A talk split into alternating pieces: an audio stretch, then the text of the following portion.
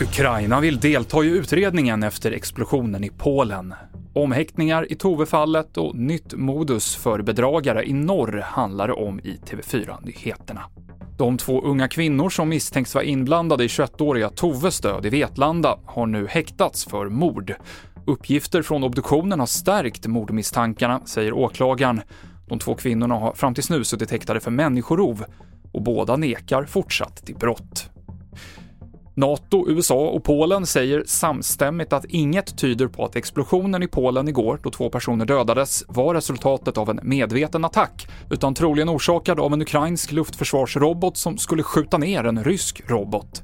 Ukraina verkar dock förhålla sig skeptiskt till uppgifterna. Man säger sig vara redo att överlämna bevis på ett ryskt spår och kräver tillträde till nedslagsplatsen i östra Polen, som är nära den ukrainska gränsen.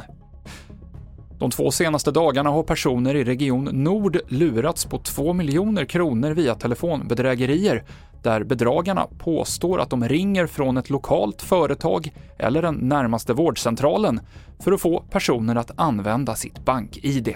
Bor man i kanske en by där det finns en hälsocentral och så ringer man och säger att man är just därifrån så, så är ju det på sitt sätt lite trovärdigare. Och, och i det här fall, de här fallen så, så vill man liksom boka en tid och det är inte ovanligt kanske om man är 80 plus att man har en kontinuerlig kontakt med sin hälsocentral. Bedragaren säger att för att göra en tidsbokning ska man använda sitt bank-id och då är det redan för sent. Så fort man tycker att ett telefonsamtal är lite märkligt, då tycker jag man ska lägga på. Är det en hälsocentral som har ringt, som säger att de har ringt, så lägg på, ring upp hälsocentralen på telefonnummer som du vet går till den här hälsocentralen.